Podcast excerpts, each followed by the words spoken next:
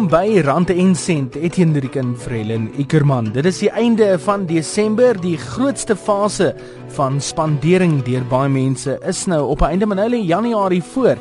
Het jy baie geld spandeer in Desember of het jy nie? Het jy jou geld weggesit juis met Januarie in die oog en nog steeds pret gehad? Ons gesels vanaand met 'n finansiële beplanner rondom wat vir jou voorlê as jy te veel geld spandeer het en veral ook as jy kinders het.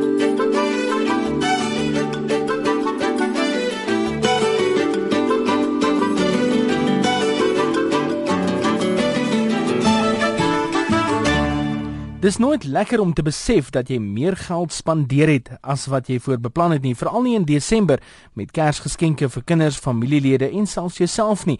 Januarie lê voor, dis tradisionele lang maand en partykeer as 'n oue bonus kry in plaas van om hom weg te sit, spandeer jy hom ook. Barbara Mandel is 'n uh, gesertifiseerde finansiële beplanner. Barbara, welkom by die program. Desember lê nou op sy rug. Kerspresente is reeds oopgemaak. Baie mense wat uh, nou eers gaan spandeer, hulle glo die uh, Kerspryse was bietjie te hoog geweest.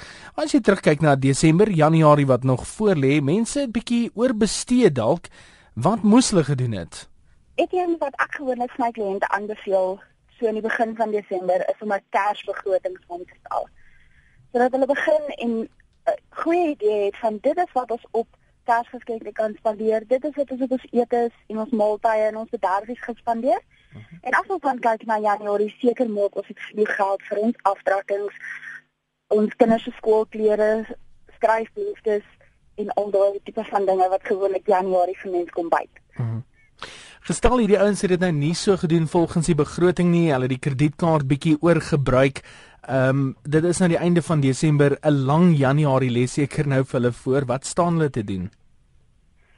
Ek dink gewoonlik moet mens dan na jou individuele situasie kyk en begin by waar kan jy begin die basiese goedjies bespaar?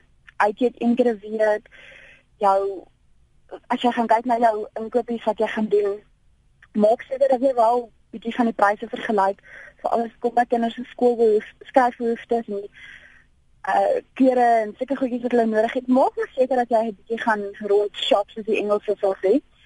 En dan moet jy maar net teruggaan en kyk um op watter hoe kan jy 'n plan maak om jou skuld beter te spasieer vir Januarie om dalk bietjie minder op die kredietkaart af te betaal, maar onthou daai rente gaan vir jou later byt. Mm Kom ons gesels jy jy het nou genoem van die begroting uh baie ouens probeer volgens 'n begroting werk uh vir die vir die meeste kom ons sê normale mense op straat wat uh, van dag tot dag basies leef met al die kostes wat so styg en goed is dit maar bitter moeilik om by 'n begroting te hou veral as dit kom by Kersgeskenke en 'n ou sit nog met 'n huis vol kinders byvoorbeeld ehm um, jy kan nie net vir jou kind sê ja maar die begroting laat dit nou nie eintlik toe nie ehm um, is is daar 'n regte of 'n verkeerde benadering tot 'n begroting? Uh en wat se slaggat uh as 'n ou kyk na 'n begroting waarin gewone ouens gewoonlik trap?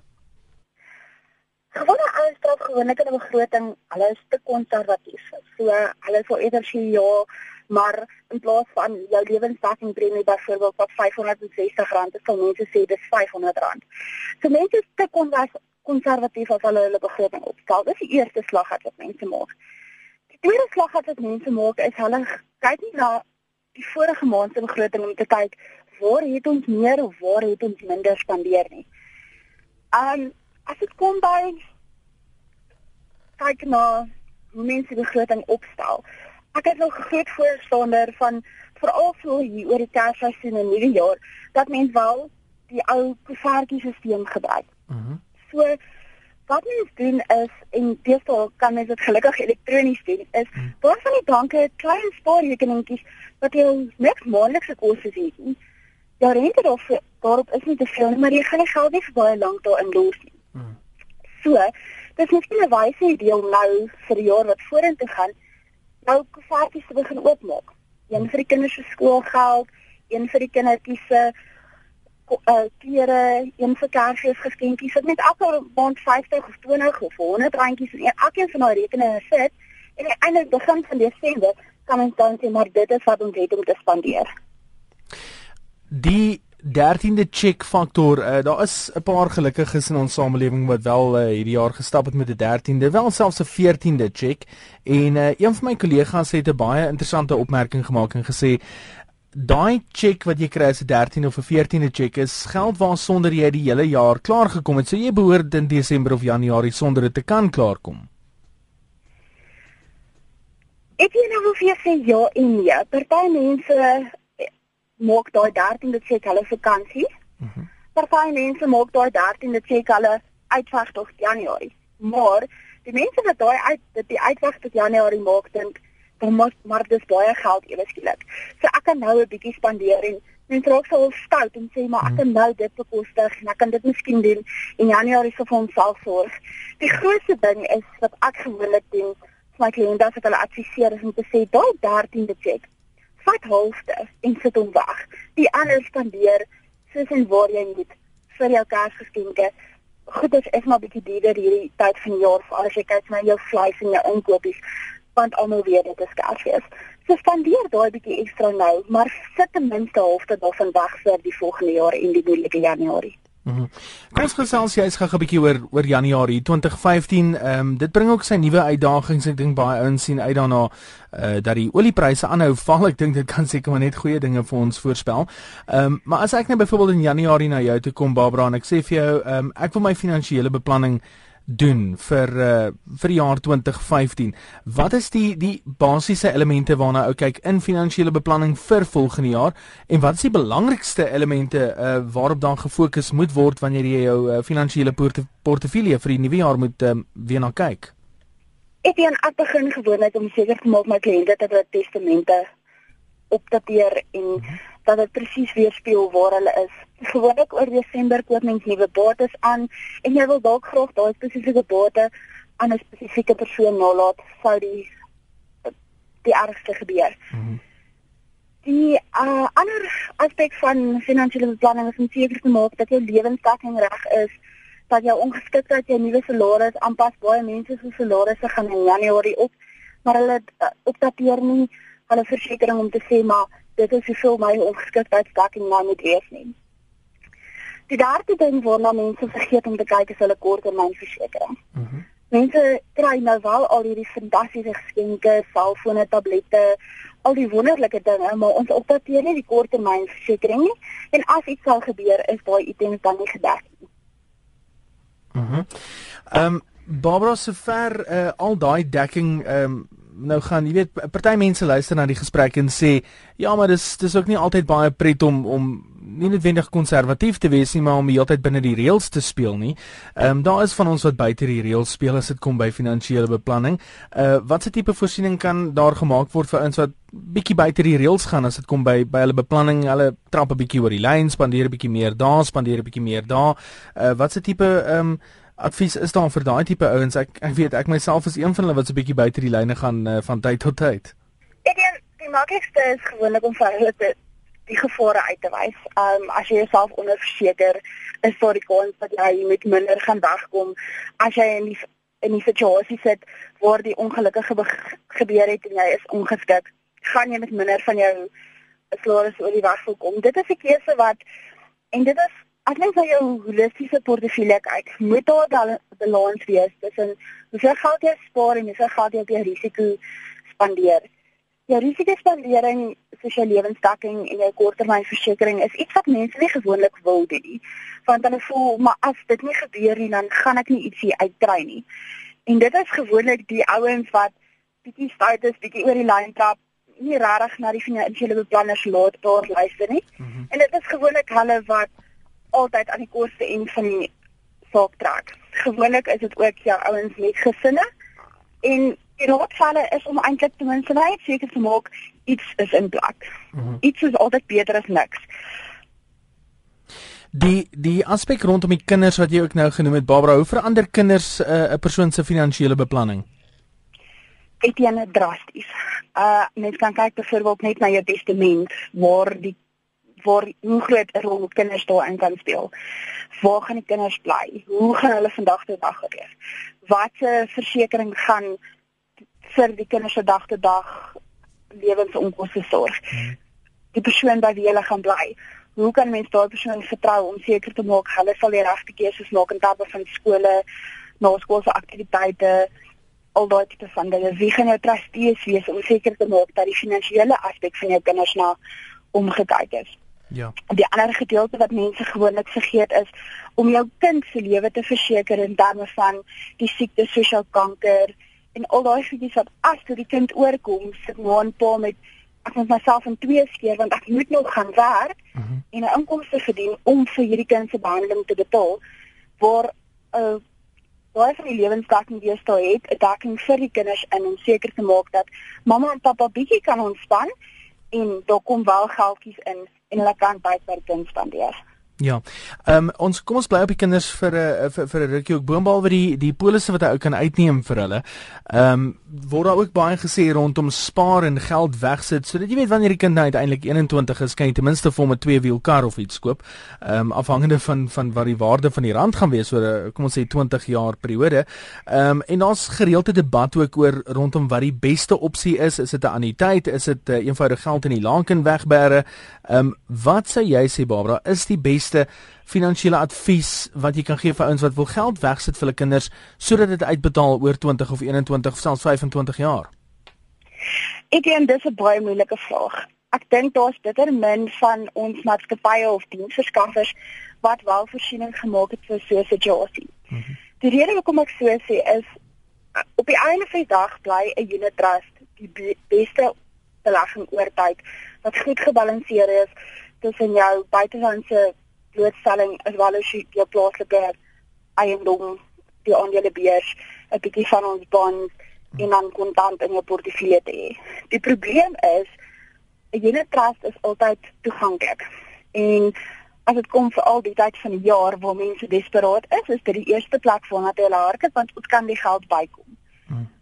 Aan die ander kant is daar wel voorsiening gemaak vir jou jou uh opvoedingsskole selfs mens dit so kan stel. Maar die probleem is meeste van hulle is in ons ou tipe endowments wat jy 30% belasting inbetaal hmm. en bitter min van ons jong publiek betaal 'n 30% marginale kommissie per jaar. So ja, my advies gewoonlik is vir 'n kliënt om 'n unit trust belegging te begin, maar ek is gewoonlik baie kwaai met hulle en sê hulle gaan nie aan daar geld raak sonder dat hulle my kan verduidelik hoekom nie.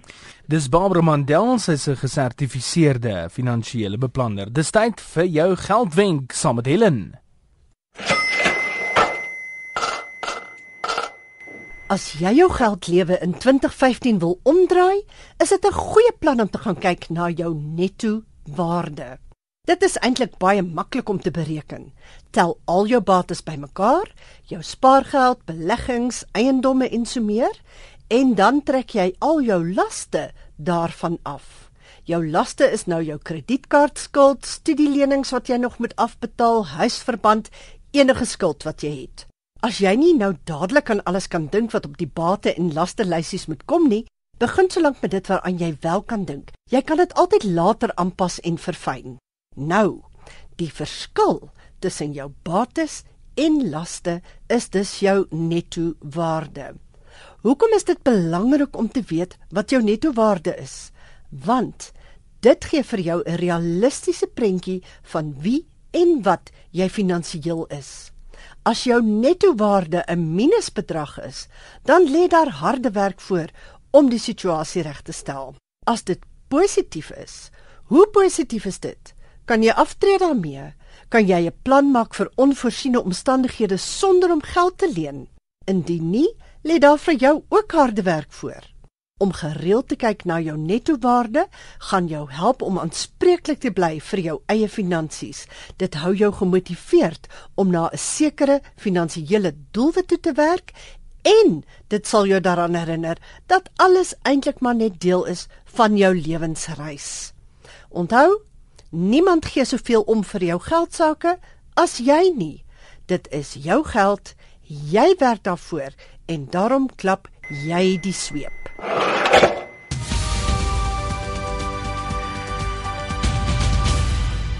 Jy luister na Rand en Sent op RSG. Ek sê in die kan vir Helen Ikerman vandag. die onvoorsiene. Nou mense kan nie regtig altyd beplan vir die onvoorsiene nie.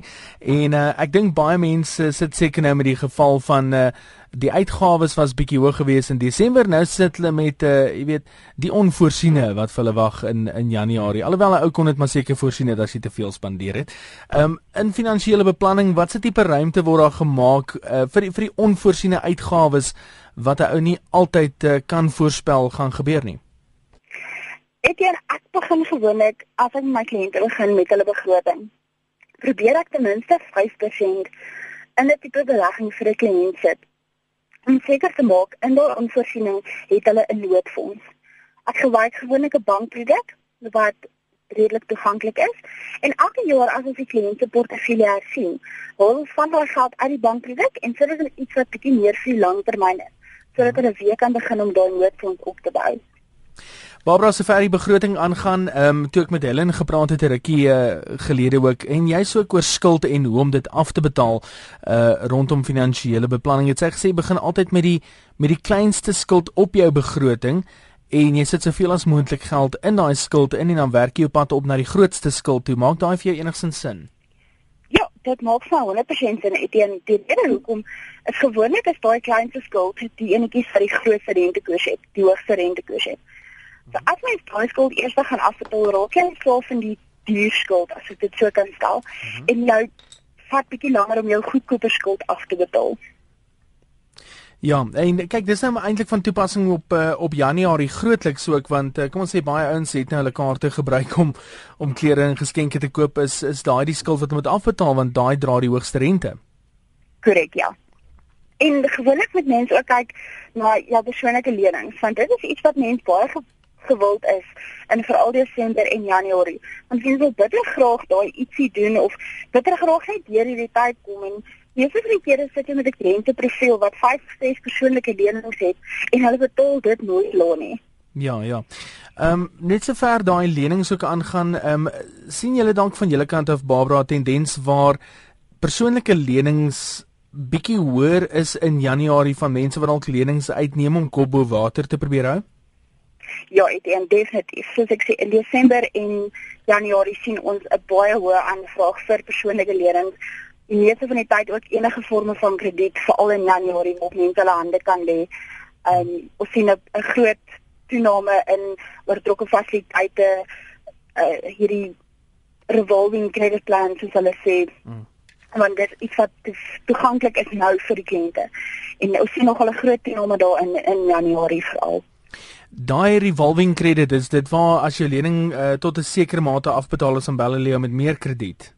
Dis nee, hoe die revolving credit werk is, mm -hmm. hulle gee vir jou 'n bedrag, sien nou maar mhm. byvoorbeeld 50000. Ja. Sodra jy 15% van daai 50000 terugbetaal het, mm. kan jy weer daai 15 15% bykom uit daai revolving credit uit. So so eintlik bly jy bly maar altyd 50000 in die skuld as ons nou daai syfer kan gebruik met met iets soos 'n revolving. Korrek. Hoe gevaarlik is daai vir alles as jy sit met iemand se finansiële portefeulje en hulle sit met so iets en hulle is nogal geneig om daai 15% die hele tyd terug te vat? Ek dink dit is 'n groot probleem in baie van ons portefeuilles wat ons aanvra. Hmm. En die kliënte waarna ons kyk, hoe ons gewoonlik daai ene benader is, dan sê vir die kliënt, gaan na die bank toe, sit 'n instruksie op om te sê ek wil hierdie ding op 'n maandelikse basis afbetaal en ek wil nie meer daai toegang hê as sodra ek die 15% afbetaal het nie. Ja. Mens ja. moet ongelukkig partykeer die harde besluit maak en dit deurdruk. Maar as jy tog die harde besluit maak, kan jy maar 'n bietjie harde bene vir 'n rukkie en dan sê jy uh, hoe sou hulle sê in Engels in the clear, is ek reg? Korrek, ja. Ehm um, Barbara, kom ons gesels oor ouderdomme. Ehm um, 'n mens hoor altyd die die die stelling, dis nooit te te vroeg om te begin uh in finansiële beplanning nie, maar ouens wat nou nog nie so vroeg begin het nie, dan sekerlik nie 'n spesifieke ouderdom van waar 'n ou begin nie. Ek seker hoe later jy begin, hoe meer gaan jy moet insit uh om 'n sekere leefstyl te handhaaf teen die tyd wat jy aftree, nê. Kyk, Etienne, ek beveel gewoonlik my kliënte aan as hulle die eerste werk gekry het of veral mense sien gewoonlik die die hartseer stories as jou kliënte hier in hulle laat 50's is of vroeg 40's. Ja dit is gewoonlik die twee hartseerste scenario's wat mense het. Van daai kliënte, daar's nie regtig veel wat mense vir hulle kan doen nie. En party van hulle wil eintlik opgee. En dit is die grootste fout wat hulle maak is om op daai punt op te gee. In plaas van 'n bietjie te spaar elke maand hier en daar te kyk na sekere dingetjies soos maar jou uit eet. Um baie van daai mense tot verskriklik duur aan karre af en sulke tipe van dinge hmm. waar mense hulle probeer sê kry ietsie goedkoper en betaal net 'n bietjie 'n maand, dis ten minste beter as niks. Ja, ja. Net so laaste vraag ook Barbara in in terme van dit wat nou voor lê vir mense in in Januarie, uh Februarie is daar 'n korter maand en dan sit jy met die einde van die finansiële jaar wat voor lê. Soos basies die laaste kwartaal van die finansiële jaar wat voor lê. Uh wat is die belangrikste of die goue reël volgens jou wat hulle gaan moet onthou vir die volgende 90 plus dae? Ek dink werkspas sonder goed jou geld. Maak seker jy hou by jou begroting of bly so nou as moontlik daaraan en probeer so krediet so ver as moontlik vermy die tyd van die jaar. Mense wat met jou in verbinding wil uh, wil wil tree wat meer wil uitvind van finansiële beplanning selfs uh, gebruik maak ook van jou diens Barbara? Ek en ek is op Facebook, um, ek is op Twitter by die naam @financialbob. Hulle kan ook op die FPI se webtuiste gaan kyk wat www.fpi.co.za is om daar ook 'n gesertifiseerde finansiële beplanner te kyk kry ons is landwyd. Barbara Mandel, finansiële beplanner, sê vir jou baie dankie vir jou deelname. Gaan soek haar op Facebook. Ek sê Etienne Lyrik baie dankie vir die saamluister.